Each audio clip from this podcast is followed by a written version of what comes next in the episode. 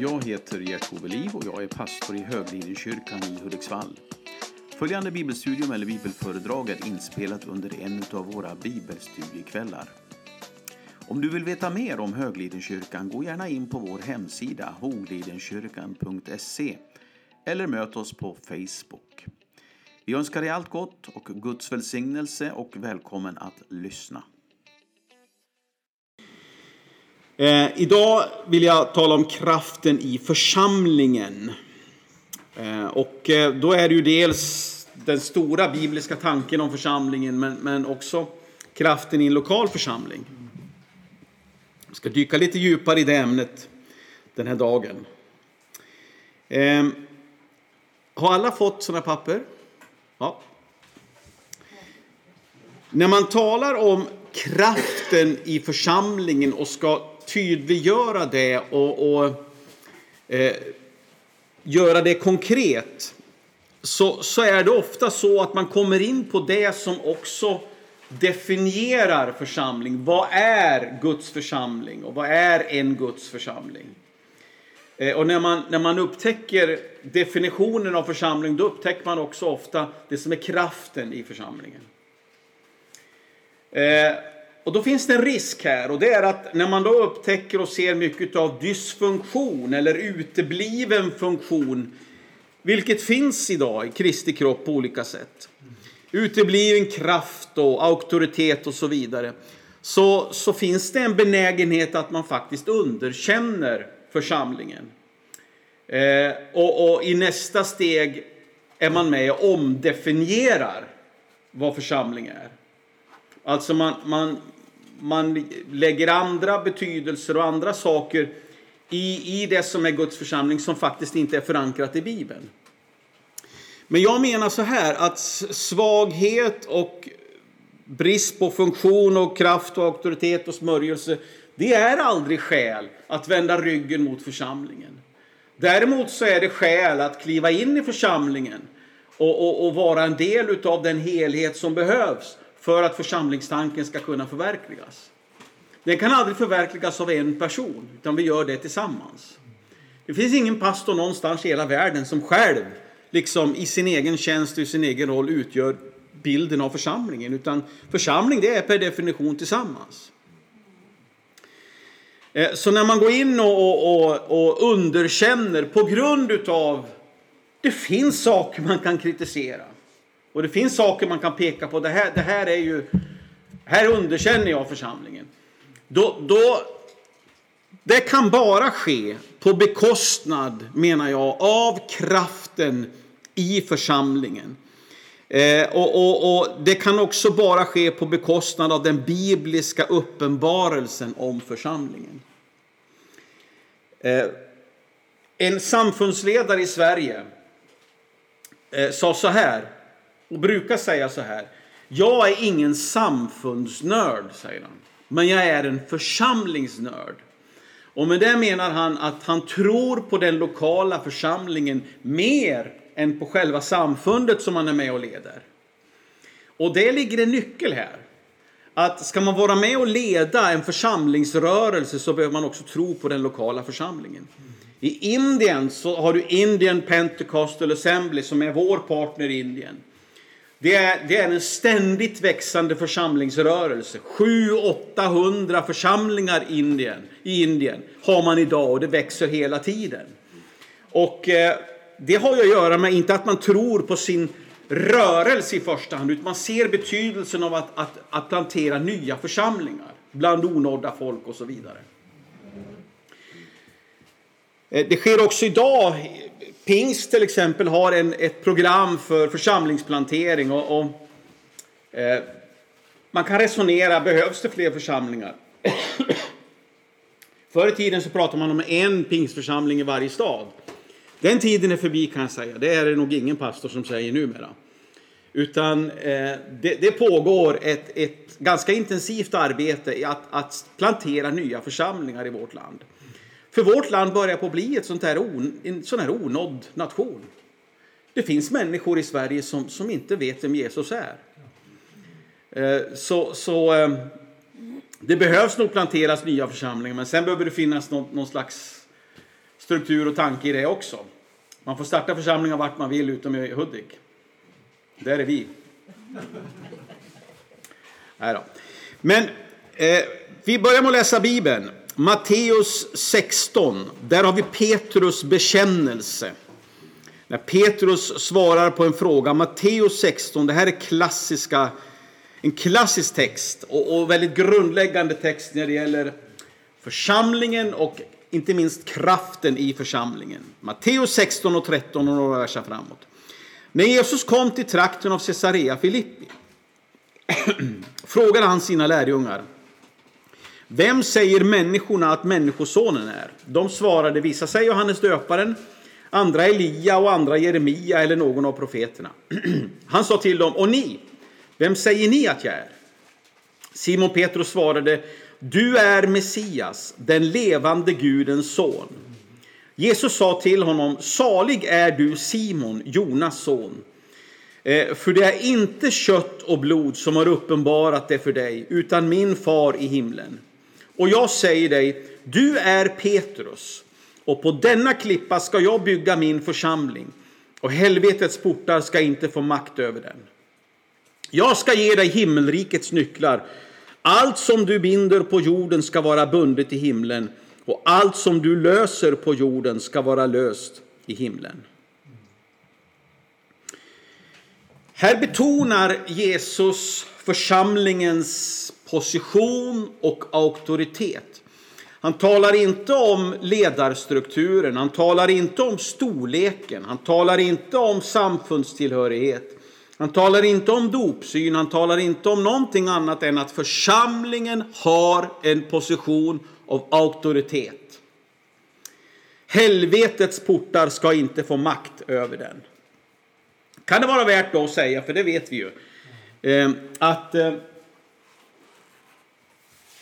eh, här, här menar ju då romersk-katolska kyrkan att grunden för påveämbetet finns. Eh, när Jesus säger du är Petrus och på denna klippa ska jag bygga min församling. Alltså på dig Petrus ska jag bygga min församling. Det är alltså Petrus som är klippan som, som kyrkan ska byggas på. Eh, som protestanter så tror vi då att, att det är Petrus bekännelse som är kyrkans grund. Bekännelsen av Kristus, att det är det som är grunden som kyrkan byggs på. Dessutom så är det så att klippan i Nya Testamentet, det är alltid Kristus. Det är aldrig en människa, det är alltid Kristus. Så kyrkan byggs på bekännelsen av Kristus, inte på den han som bekände, utan bekännelsen av Kristus. Ett annat argument som romersk-katolska kyrkan använder det är att ordet för klippa här, det grekiska ordet är Petra. Och det är ett, ett, ett, en feminin form av ordet för klippa. Och därför så pekar, menar man då att det pekar mot att det är Petrus som är klippan.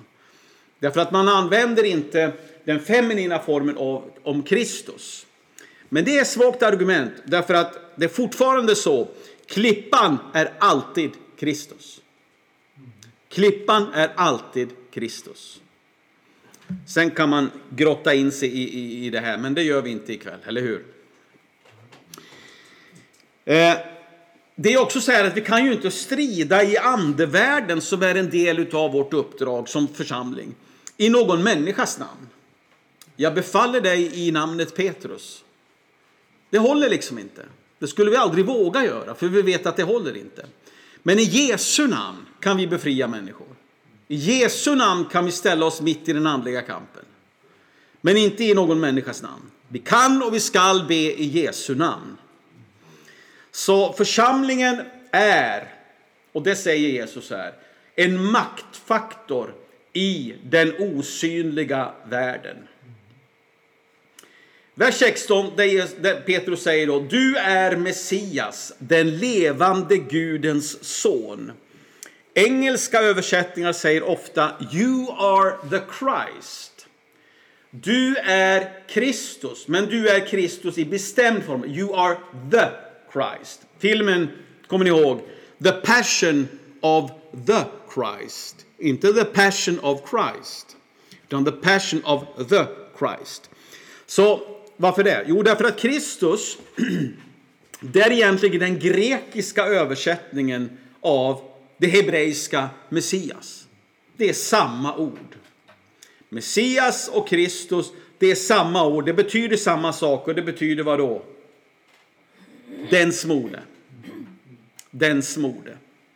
The one and only. Den smorde. The Christ. Messias.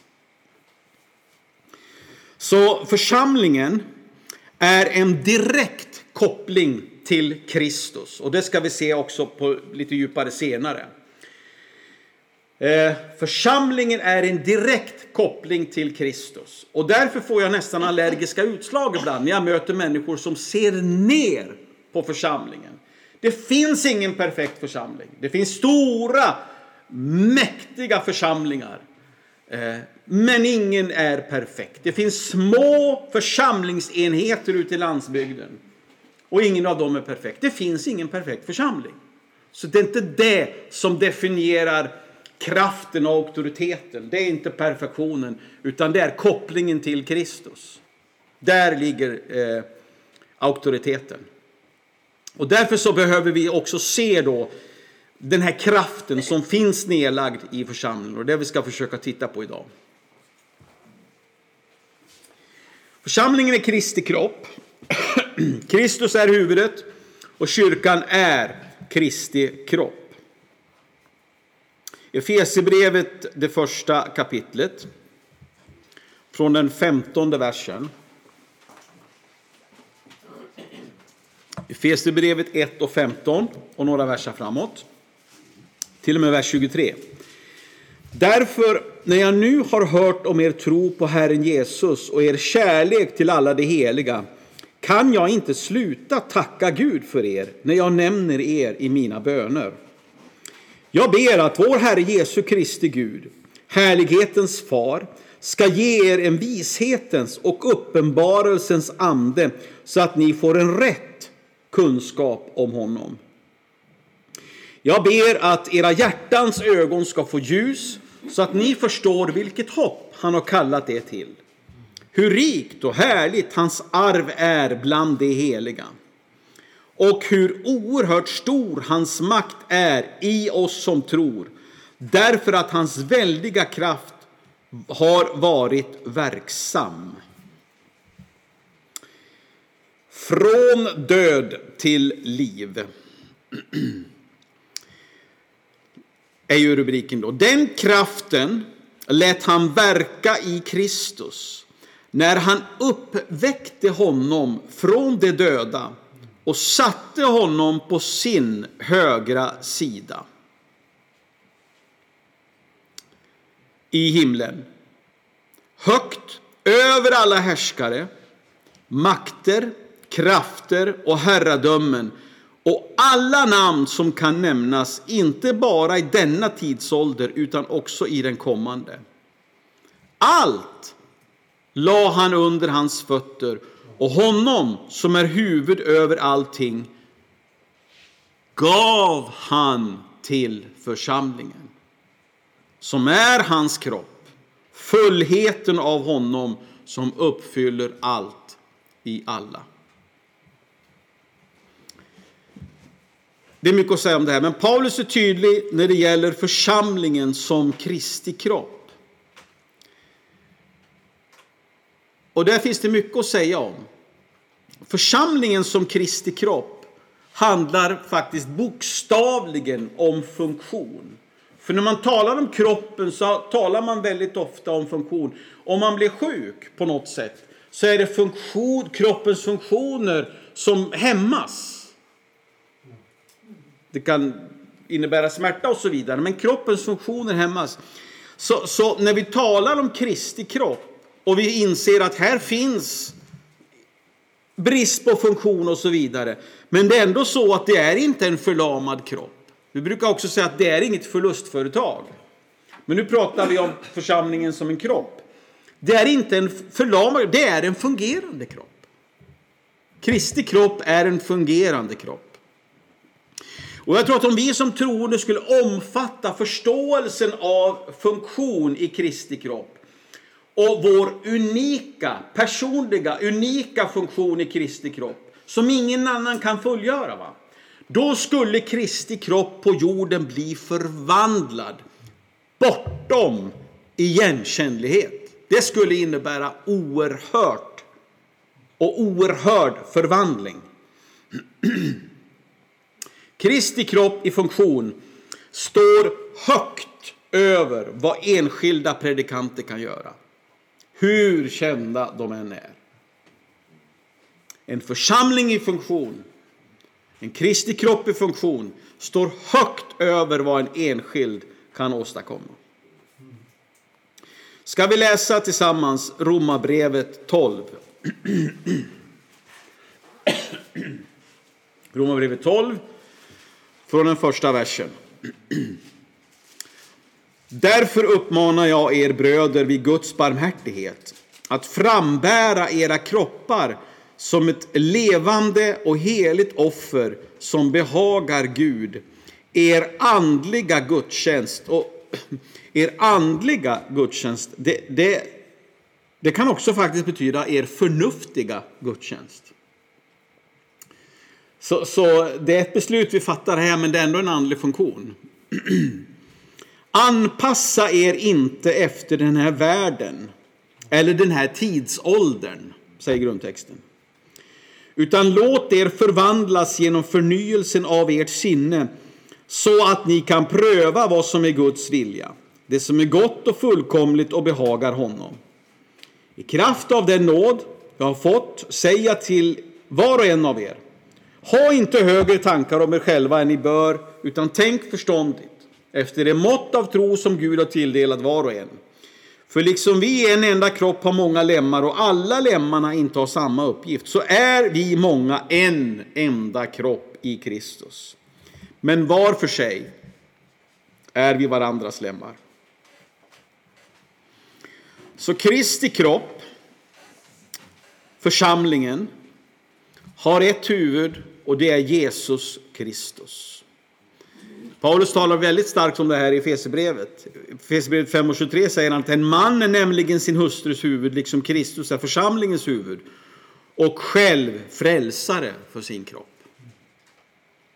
Sen finns det en massa eh, bibeltexter där som ni kan studera hemma. Men Kolosserbrevet talar ju om Kristus som källan till liv. Han är livets källa. Men han är också uppehållaren av liv i kroppen. Efesierbrevet 5 talar också om att Kristus har suverän auktoritet i församlingen. En kropp har också per definition många lemmar. Första Korintierbrevet 12 talar mer om kroppen och församlingen än om andliga gåvor. And, undervisningen om andliga gåvor har sin kontext, har sitt sammanhang i kroppen, alltså i församlingen. Sen i Fesebrevet talar mycket om att kroppens lemmar har en direkt koppling till huvudet. Vi är kroppens lemmar och vi har fogat samman genom Kristus. Och du har bibeltexterna, det, det är liksom att drar utifrån de här bibeltexterna nu.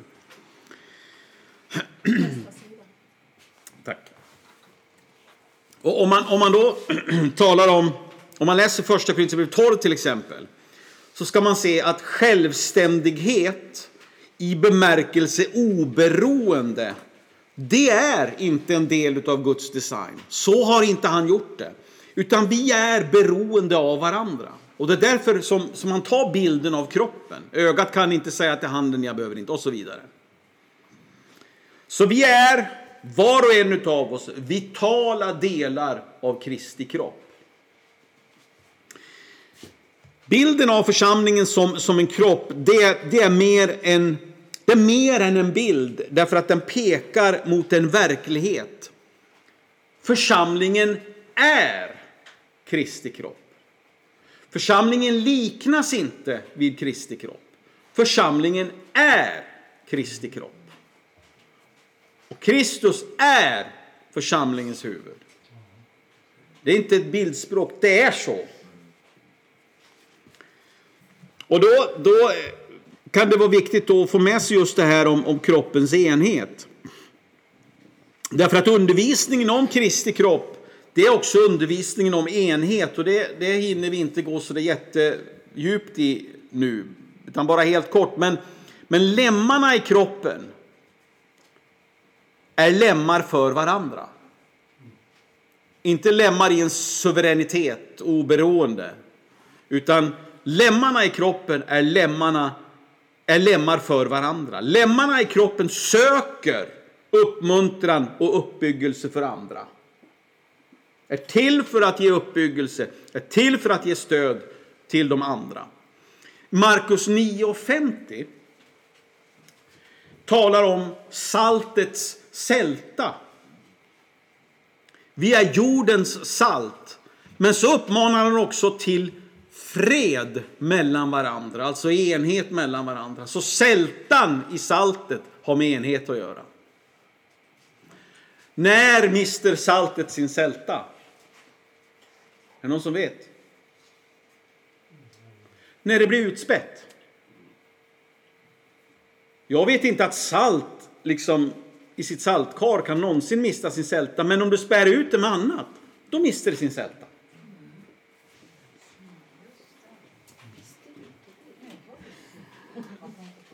Hebreerbrevet 10 och verserna 24 och 25, det talas ju bland annat om att överge inte församlingens sammankomster.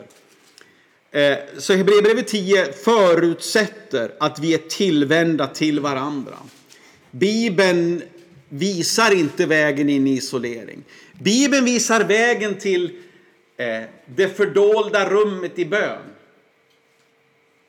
Men visar inte vägen till isolering utan visar vägen in i församlingen. Sen behöver vi ensamma stunder med Gud och det finns det ingen motsättning i. Om man går vidare med om det här med gemenskap så har du det här grekiska ordet koinonia. När jag var ungdom och tonåring och lyssnade mycket på musik och det gör jag väl kanske fortfarande. Men, men då fanns det en, en instrumental kristen grupp som hette Koinonia och det var liksom värstingmusikerna i världen, måste man ju säga. Och ett, trummisen hette Maxwell någonting. Bill Maxwell hette han. Och eh, när det var någon turné här i Sverige för några år sedan så, så var det en stor konsert här på Höglinen. Och då var Bill Maxwell här och spelade trummor tillsammans med Andrew Crouch. Han spelar mycket med Andrew Crouch. Och eh, då kom den här Bill Maxwell till Ylva och frågade om det fanns tillgång till en dator för han ville titta på någon sport som vi inte har utan han, ville ta en stund och sitta, titta på den här sporten. Det var väl någon baseball eller någonting. Och då hänvisade Ylva till sitt kontor, var här nere då. Eh, så Ylva hon brukar skryta med att Bill Maxwell har suttit på min kontorstol. Och det där tycker jag lite, blir lite befängt. Men säg inte till Ylva att jag har sagt det. Och sa det senast häromdagen när vi skulle ha personalmöte. Då skulle jag rulla om fram sin stol och erbjöd mig. Den här har Bill Maxwell suttit i. liksom. Och Gert-Ove Liv, sa jag. Men koinonia, det är det grekiska ordet för gemenskap. Det är ett viktigt ord. Det är ett centralt ord. Det är ett grundläggande ord. Och det är viktigt därför att det beskriver någonting mer än bara gemenskap. Svenskan är ibland ett fattigt språk. Men koinonia talar om för oss att den formen av gemenskap som, som koinonia innebär, det betyder att man har saker gemensamt. Man delar livet med varandra och man går tillsammans. Eh, så Gud, han har aldrig menat att vi ska leva i isolering. Utan Gud vill, och det är grundläggande, det är steg ett, att vi ska ha goda relationer med varandra. Det är liksom steg ett. Gud vill att vi ska liksom flöda tillsammans. Jag älskar ordet flöda. Att flöda tillsammans som, som ett för att kunna beröra världen. Någon engelsk översättning när man talar om apostlagärningarna och de var samlade de 120 på övre salen för att invänta andens uppfyllelse så var man i ett ackord. Ett ackord. Vet, ett ackord består av flera toner som tillsammans eh, blir ett vackert ackord i harmoni med varann. Så om man då tar liknelsen av en pianist som ska spela ett klassiskt stycke så är ju skickligheten helt avgörande för den som lyssnar. Så är det ju. Va? Harmoni hos den som spelar skickligt, det är det som gör liksom den angenäma upplevelsen. Medan disharmoni hos den som inte är så skicklig, det gör ju upplevelsen lite mindre angenäm, kanske till och med oangenäm. Eller hur? Det är roligare att lyssna på en duktig musiker än en som inte är duktig om man ska lyssna på musik. Håller ni med? Och då kan man föra över det till församlingen och vår gemenskap, våra relationer. Disharmoni i församlingen relationsmässigt, det skär liksom i vårt inre. Medan harmoni, det är läkande. Det är någonting som är underbart för vårt inre. Så vad är då koinonia? Vad är gemenskap? Jo, den gemenskap vi talar om här, det är alltså den som förenar oss genom bekännelsen av Kristus. Det är då vi kan kliva in i den här koinonia gemenskapen. Det är ingenting som vi, vi kan, kan få i en idrottsförening eller någonting. Det kan, kan man också få vänskap, absolut, och goda vänner.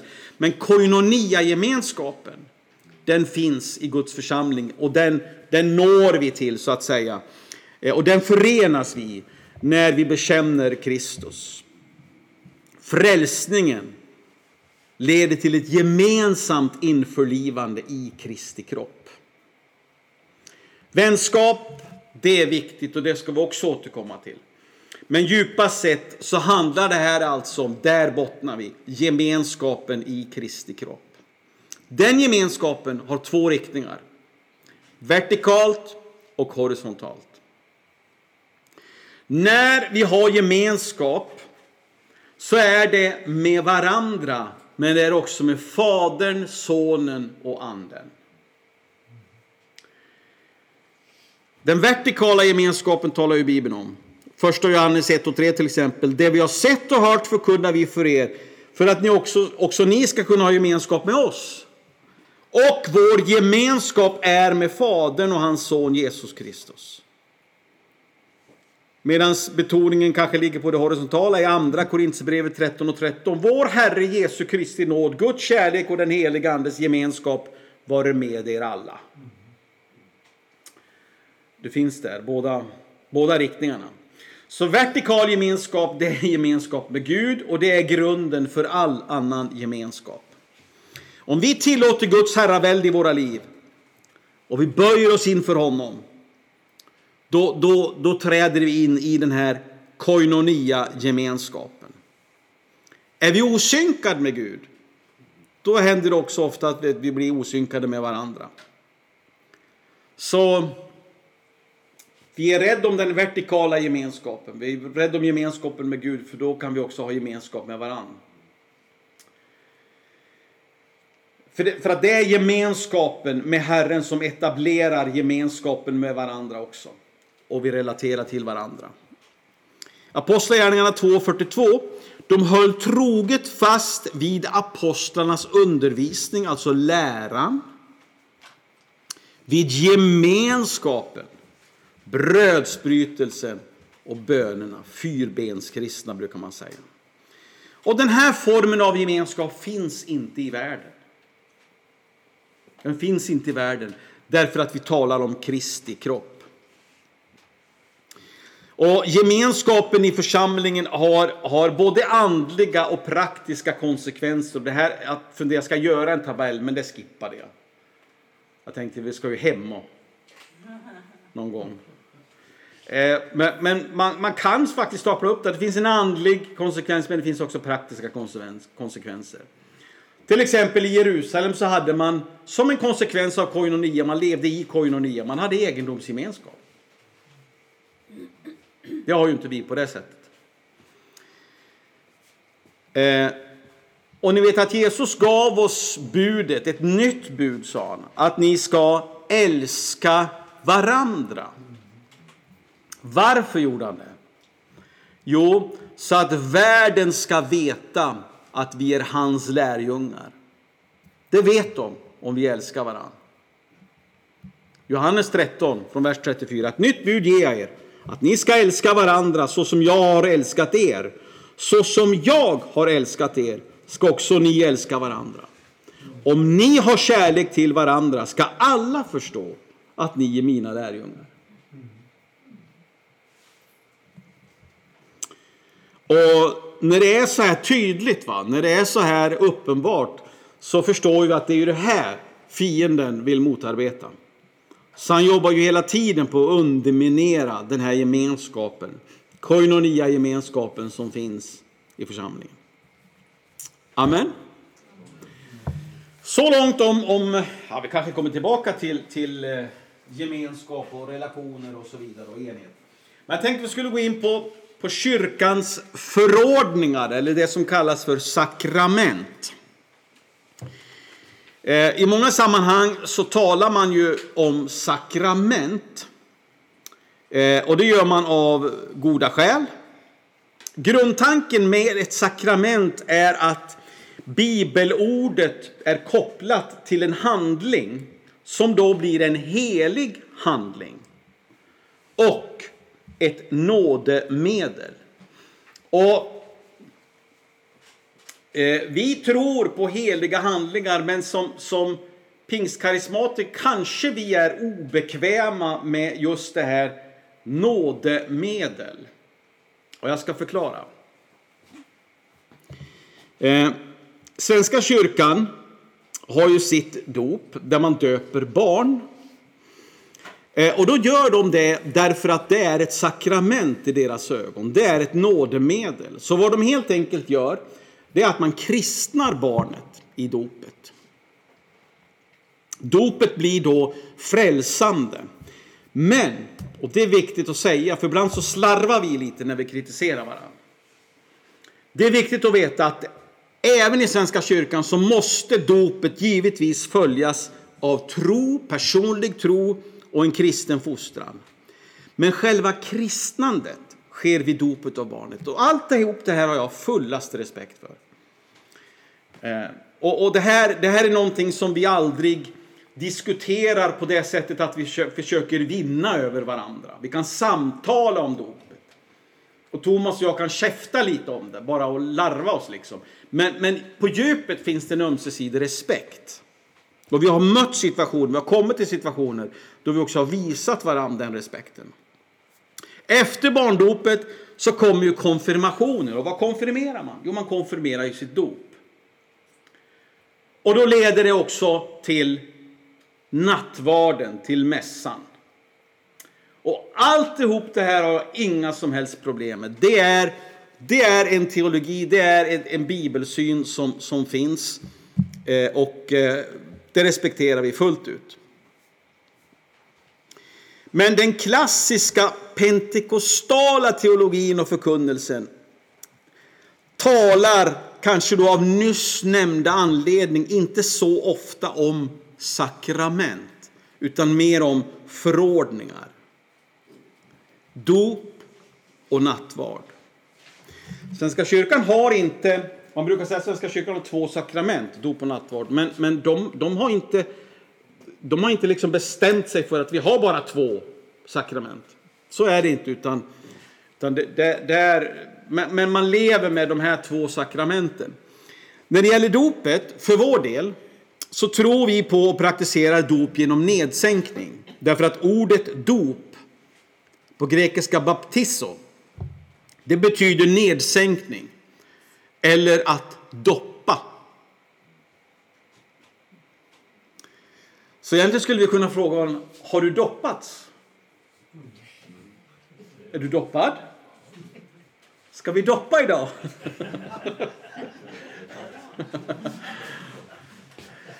Därför att det är vad ordet betyder. Eh, nedsänkning. Så dopet för oss, det är ett uttryck för bekännelse av tro och lärjungaskap till Kristus. Och det är också vägen in i församlingen. Vi sa ni bibelorden där va? Matteus 28, 19 och så vidare. Finns det med? Gör inte det? Men vad slarvigt. Markus 28, 19.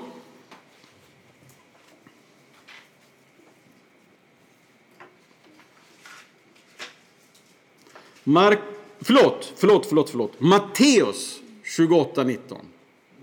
Matteus 28.19. Markus 16 och 16.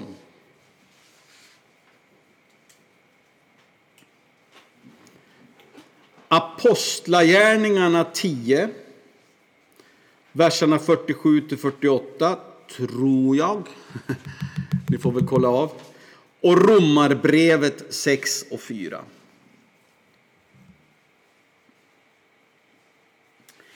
Nästa förordning som vi behöver ha med oss, det är nattvarden. Ska jag repetera? Matteus 28, 19. Markus 16 och 16. Apostlagärningarna 10, 47 till 48. Och Romarbrevet 6 och 4. Ibland märker jag när jag, när jag skriver ner så att jag slarvar med vers, versar ibland. Så att ni, om, om ni märker det så behöver ni inte ringa mig i natt och säga nu hade du fel. Nej, det är ingen som har gjort det. Men nattvard då? Eh, nattvard med bröd och vin. Inte med chips och Coca-Cola.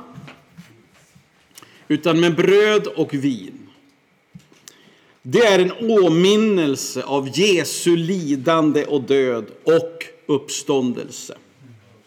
Första Korintierbrevet 11.26 och där står det också att det är en profetisk påminnelse om Jesu tillkommelse. Vi ska göra det här till dess han kommer. Så det. Eh, vi, vi använder alkoholfritt vin.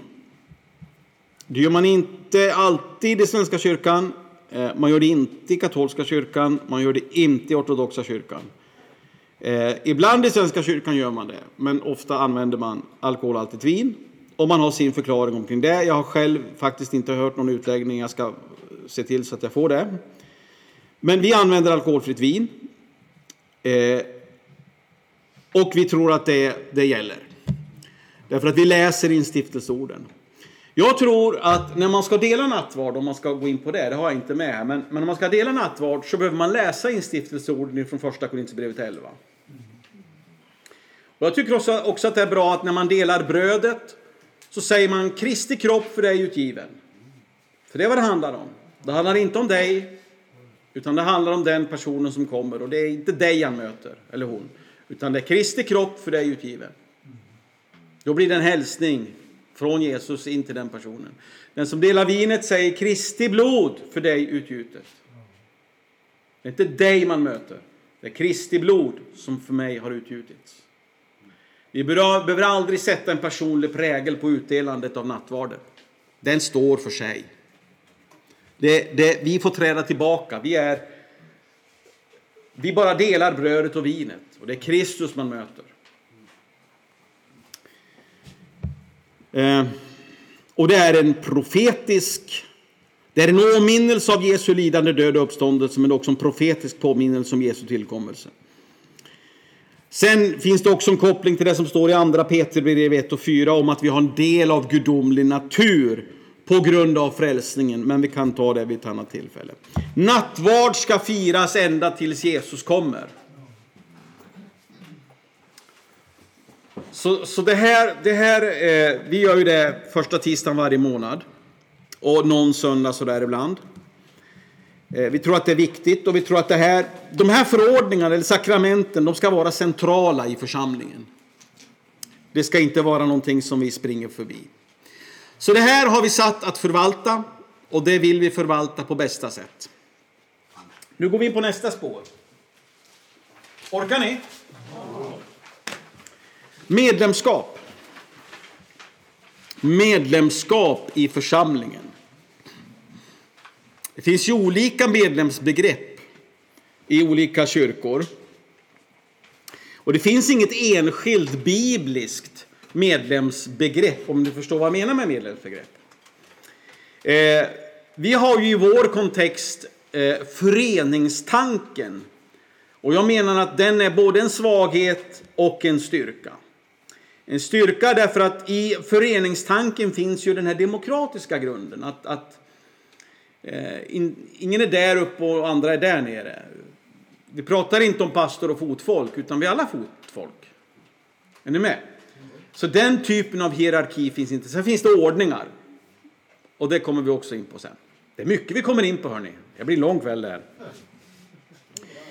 Men, men, men eh, det finns den här grunden av att alla äger rätt att uttala sin mening. Men då har vi det här med koinonia också, den här ömsesidiga respekten och så vidare som behöver finnas. Så när man talar om den här demokratiska ordningen så är det ju inte det här liksom konfliktfyllda och spända utan det handlar om att, att om, om, om någon av er har en synpunkt på någonting så har du din fulla rätt att framföra den. Är ni glada för det? Oh.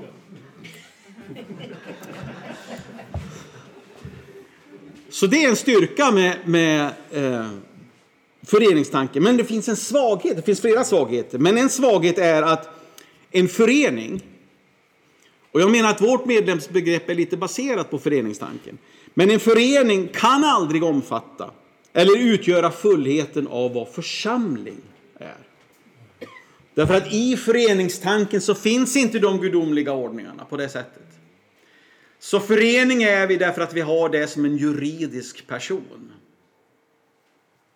Så vi skulle kunna vara, ha en annan juridisk person och fortfarande lyssna till på varandra och vad vi tycker och tänker. Guds ordningar är långt viktigare än demokrati. Lite farligt att säga det, men, men det, det är också ganska självklart därför att demokrati betyder folkstyre. Och församling är per definition Guds styre, Guds suveränitet. Men då uppstår frågan, vem hör från Gud? Vem hör inte från Gud? Och den löser vi inte här ikväll. Det är den här som avgör. Ja, exakt. Bra Pierre. Det är Bibeln som avgör. Men vårt medlemsbegrepp hjälper oss att veta vilka som är med.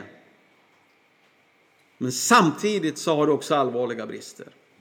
Därför att vi vet att i våra register, och det här gäller i princip alla, inte riktigt, men nästan alla pingstförsamlingar i Sverige, så finns det medlemmar i vårt register som inte är med i vårt arbete. Så det, det är ju då en, en brist.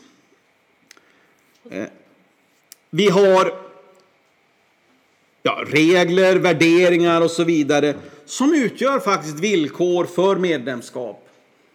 Eh, och här finns det också svagheter och nu ska, nu ska jag dra det här lite till sin spets.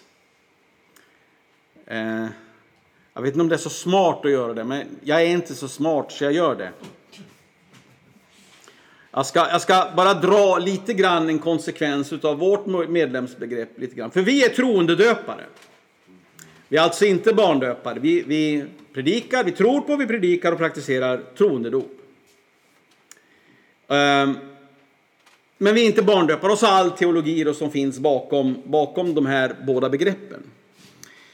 Därför har det varit så att traditionellt sett så är det bara den som är troendedöpt som kan bli medlem i församlingen. Är ni med? Då kan vi också ställa oss frågan, är en person som bekänner Jesus som sin frälsare men som är barndöpt en pånyttfödd kristen? Jag hör lite mummel där, men vad säger ni? Ja, så långt är vi med. Kommer den personen till himlen då? Den som inte är troendedöpt utan tror på sitt barndop men bekänner Jesus Kristus som sin Herre frälsare och, be, och bekänner sig som, som frälst men är barndöpt. Kommer man till himlen? Då är det alltså så att det är svårare att bli medlem i vår församling än att komma till himlen. Den är. Men, men hur ska vi kunna avgöra det sådär? Vilka som kommer till himlen? Ja, det kan vi ju inte Pierre. Nej, det är ju Det, kan, det, det är ju hypotetiskt alltihop det här. Men, men jag, jag vill utmana oss lite i våra tankar. Det är alltså lättare att komma till himlen än att bli medlem i vår församling. Det här är en karikatyr som jag målar och det har lite vassa kanter, jag är medveten om det. Och jag utmanar oss lite. Men, men det här är frågor som vi ställs inför idag. Det här är frågor som vi ställs inför idag. Jag har ingen förändrad dopsyn. Eh, men jag är beredd att resonera om vårt och diskutera och pröva vårt medlemsbegrepp. Blir det svårt nu tycker ni? Jag tycker det här är svårt.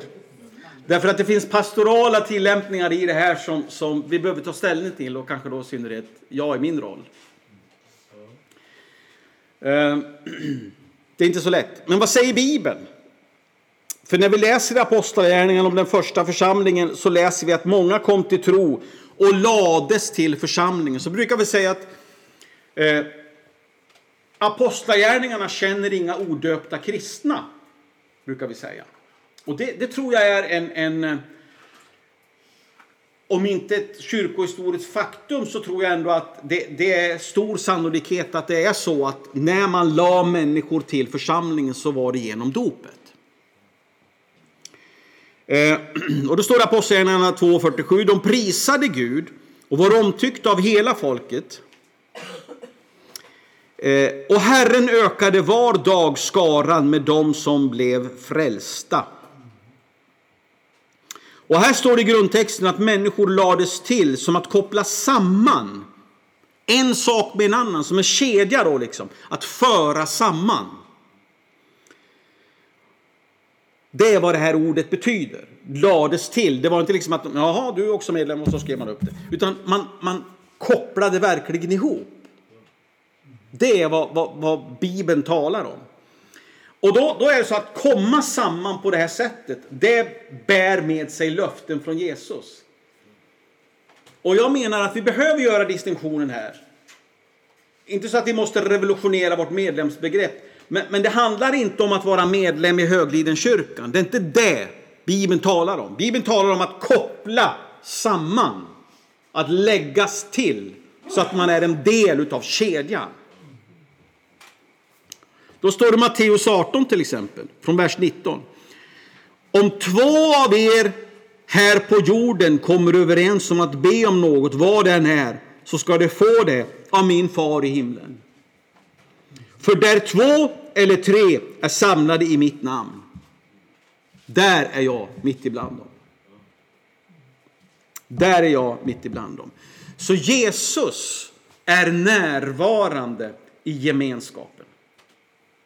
Jag tror i grunden att församlingen ska vara eh, inkluderande. Men det finns faktiskt också ett exkluderande i det här. Det finns ett bibliskt mönster av exkluderande. Det kanske tydligaste är Adam och Eva. De blev exkluderade ur Edens lustgård efter syndafallet. Det var inte så att Gud kom och sa ja men vi är sökarvänliga så att ni får väl vara kvar. Ni misslyckades där lite grann så att ni, ni är inkluderade i alla fall. Nej. Exkluderad på grund av syndafallet. Omskärelsen som tanke är en, en, en handling av att inkludera och exkludera. Den levitiska lagen ex, exkluderade människor. Nya testamentet talar om fåren och getterna.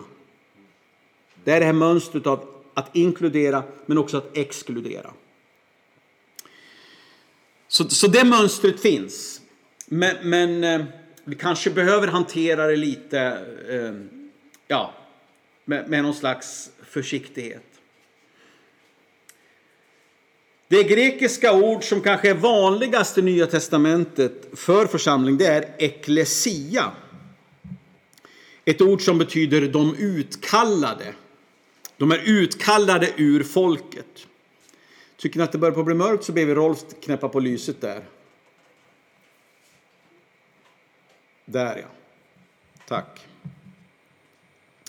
Det här ordet eklesia, det är inte ett specifikt kristet ord. Ordet kyrka är det. Det betyder de som tillhör Herren och det tror jag är ett latinskt ord. Men, men eklesia, det kan också vara eh, kan handla om en politisk grupp, en politisk församling ut från folket. Men det är det ordet som, som Nya Testamentet använder och vanligast för församlingen. Eh, och man kan ju då säga att församlingen är kallad ut ur världen till medborgarskap i himlen. Det står, talar jag om Filipperbrevet om i tredje kapitlet. Medlemskap, oavsett då medlemsbegrepp, kräver ändå och förutsätter tro, bekännelse, pånyttfödelse, i de allra flesta fall dop. Det är, det är medlemskapet. Men gemenskapen, den måste vara mycket, mycket, mycket större än så. Den måste vara öppen för alla. Så när det kommer nya människor. Nu, det blir lite kantigt idag, men, men jag tror vi orkar med det. Om det kommer nya människor. Vi flyger inte på dem och frågar vad de har för sexuell läggning. Eller hur? Det är inte det vi frågar efter, utan vad vi frågar efter, eller vad vi säger, välkommen. Vem du än är, var du än kommer ifrån, välkommen in i vår gemenskap. Du ska få fika efter gudstjänsten och jag ska sitta tillsammans med dig. Jag ska bre mackorna så att du tar för mycket smör. Det är det här inkluderandet, gemenskapen. Den, den, ska, den ska inbjuda människor, den ska vara varm. Men den ska vara på riktigt varm. Det, det är inte, det är inte en, en, ett frälsningsobjekt som kommer, det är en människa. Det är en människa. Och då ska, ska gemenskapen vara inkluderande. Men om man, om man tänker sig att kliva in i det som är ja, medlemskap, säger ju vi nu. Då, då är det det här med bekännelsen av Jesus som sin Herre och Frälsare, tro, pånyttfödelse och så vidare. Ser ni det här? Och i medlemskapet finns ju också begrepp som trohet och uthållighet och, och sådana saker. Det är lätt att se i Nya Testamentet att den nytestamentliga församlingen, de visste vilka som var med och inte. Därför att vi vet att, att eh, lärjungarna närmast Jesus, de är både namngivna och räknade i antal. De var tolv stycken. Och de är namngivna. I Lukas 10 däremot, där sände Jesus 70 andra de var också lärjungar men kanske inte stod närmast Jesus. 70 andra. Och i, i första Korinthierbrevet 15 från vers 3 då berättar Paulus att det var 500 personer som såg Jesus efter uppståndelsen. Hur visste de det? Ja, de räknade. I Apostlagärningarna 4, vers 4, det står att 5000 lades till församlingen. De räknade, så att de visste ju då, förlåt. De visste ju då eh, vilka som var med och inte. Så, så genom apostlärningarna så, så blir det tydligt just det här att man visste vilka som var lärjungar till Jesus. Och för mig så, så är det så att det finns mycket att säga, det finns mycket att samtala om när det gäller medlemskap och medlemsbegrepp i den nytestamentliga församlingen. Vi ska inte fördjupa oss i det nu. Men nu ställde jag det lite på sin spets bara för att utmana oss lite och, och i vår tanke. Detta om medlemskap. Jag vill också ta med lite grann om, om eh, att församlingen ger andligt beskydd. Och då, då vill jag börja med det som, som jag tror är grunden i det. Det är naturligtvis Gud som utgör det beskyddet. Men, men han gör det genom de ordningar som han har lagt ner i sin skapelse. Men också i sin, sin församling. Du vet, vi har skapelseordningen. Brukar vi tala om. Det är en Guds ordning. Skapelseordningen. Den läser vi om i skapelseberättelsen. Natt och dag, det är en Guds ordning. Det är, ingenting, det är ingen människa som har hittat på det. Utan det är Gud som har skapat natten och han har skapat dagen. Det är en ordning som Gud har skapat. Han har skapat land och han har skapat vatten. Det är också en skapelseordning. Ingen människa som har grävt ur och gjort havet. Det var Gud som gjorde det. Himmel och jord och så vidare. Man och kvinna. Och ingenting däremellan. Man och kvinna. Det är vad Bibeln talar om. Så det här är, det är skapelseordningen. Sen, sen vet vi också att församlingen vilar på gudomliga ordningar och gudomliga förutsättningar. Och det är därför vi kan säga att medlemskap förutsätter omvändelse och pånyttfödelse. Därför att det är en gudomlig ordning. Det är inte en regel som vi har i våra stadgar, utan det är en gudomlig ordning. När det kommer till församlingens ledarskap så vilar det också på ordningar. Det vilar inte på talanger, förmåga att tala. Det vilar inte på karisma eller förmåga, utan det vilar på gudomliga ordningar. Församlingen vilar också på Guds ord, inte på Andens gåvor, utan på Guds ord.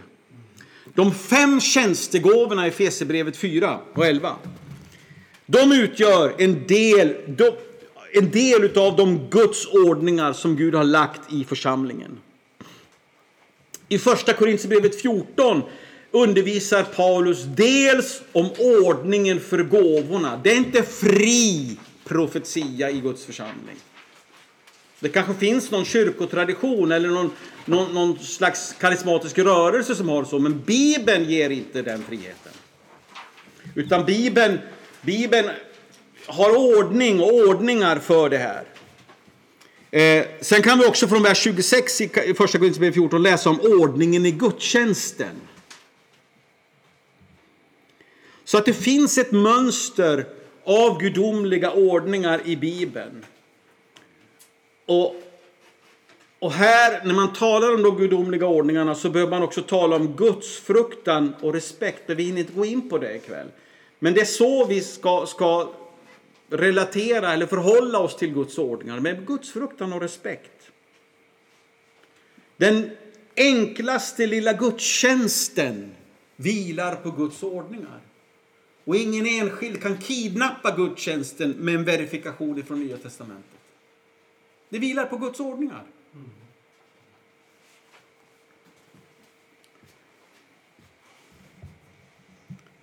Eh, så församlingen vilar på Guds ord och inte på Andens gåvor. Församlingen ska inte ledas av profetia, utan av Guds ord.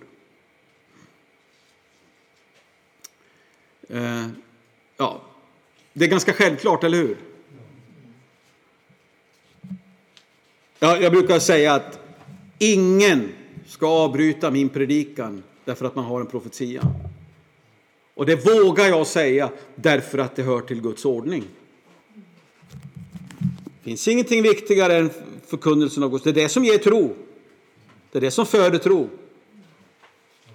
Så det är en, en själisk oordning om vi börjar avbryta predikan. Därför att nu måste jag få profetera. Sitt ner. Vänta. Det är Guds ordningar. Det är inte våra, våran stelhet eller våran smalspårighet. Det är Guds ordningar. Och det förminskar inte profetia, tvärtom, det förstorar profetia. Församlingen leds inte av profetia, församlingen leds av Guds ord.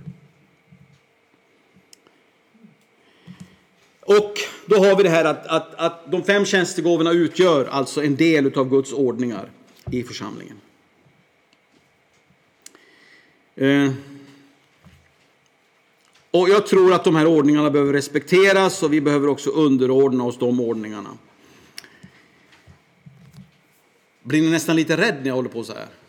Tycker att, vad får vi göra? Vi har stor frihet. Bibeln ger oss stor frihet. Ehm, det här med andligt ledarskap. Eh, det, är också, det, det, skulle man behöva prata mycket om och det har vi gjort också. Men, men andligt ledarskap genom människor kan aldrig till exempel då kräva lydnad. Det handlar överhuvudtaget inte om lydnad. Eh, utan andligt ledarskap genom människor måste förtjäna respekt. Men måste också, när man förtjänar respekt, respekteras. Så att inte den här världsliga anden kommer in och, och, och man börjar förakta ledarskap. Varför är de här ordningarna så viktiga? Varför betonar jag det så starkt här ikväll? Jo, därför att jag tror att i ordningarna så finns det här beskyddet. Gud har liksom slagit en eldsmur omkring sin församling. Han värnar sin församling. Han älskar sin församling. Och Gud kommer att använda sin församling. Lokala församlingar kommer han att använda i ändetiden. Det är församlingen som är skördetröskan i den yttersta tiden. Som kommer att samla. Det är församlingen som är ladan som ska fyllas med skörd. Och om inte jag vore pastor så lovar jag dig att jag skulle ändå vara en del av en lokal församling. Därför att i församlingen med alla dess ordningar, där finns beskyddet. Det är ett heltäckande beskydd faktiskt. Som omfattar i stort sett hela mitt kristna liv. Till exempel sund lära. Relationer. Förbön. Hur många vittnesbörd har vi inte när krisen drabbar? Församlingens förböner bar mig. Så, så eh, det finns i den bristfälliga, den dysfunktionella ibland och den av människor fylld, men ändå Guds församling. Där finns beskydd. Där finns beskydd. Så tveka inte om du möter svårigheter. Om du känner att Nej, men nu, nu, nu blev det jobbigt. Vi vill vara med, vi vill stå med och vi vill be. Amen. Nu ska vi gå in för landning. Titta vad bra jag är på det här. Jag ska ju sköta det här jämt. Jag byter precis när man ska.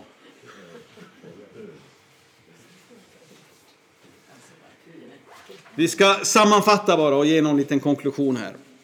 Församlingen tillhör Gud. Kristus är huvudet och vi är lemmarna i kroppen. Församlingen är Kristi kropp, församlingen är också Kristi brud. Församlingen liknas inte vid Kristi kropp, församlingen är Kristi kropp. Du kan aldrig skilja Kristus från församlingen och församlingen kan heller inte skiljas från Kristus. Och församlingen hålls samman genom relationer, först och främst med Gud, med Kristus, men också med varandra. Koinonia, det handlar om gemenskap. Att ta del i varandras liv. Koinonia är ett mycket starkt ord för gemenskap. Församlingen, alltså kyrkan, är satt att förvalta förordningar eller sakramenten. Det är heliga handlingar som inte frälser, men som förutsätter frälsning. Vi inbjuder den som bekänner Kristus till dop. Vi inbjuder den som bekänner Kristus till nattvard. Dop bekänner tro och efterföljelse till Kristus. Nattvard firas till åminnelse av Jesu lidande, död och uppståndelse. Och förkunnar också om Jesus seger för människan. Men också i andevärlden. Medlemskap i församlingen, både den universella och den lokala, förutsätter pånyttfödelse, tro, omvändelse, bekännelse och dop. Och i de gudomliga ordningar som finns i församlingen och som församlingen förverkligar, både vad det gäller ledarskap och så vidare, så finns det ett gudomligt beskydd. Ingen av oss klarar oss utan församling. Vi klarar oss inte utan det som församlingen utgör. Vi behöver alla församlingen. Inte minst också gemenskapen i församlingen. Amen.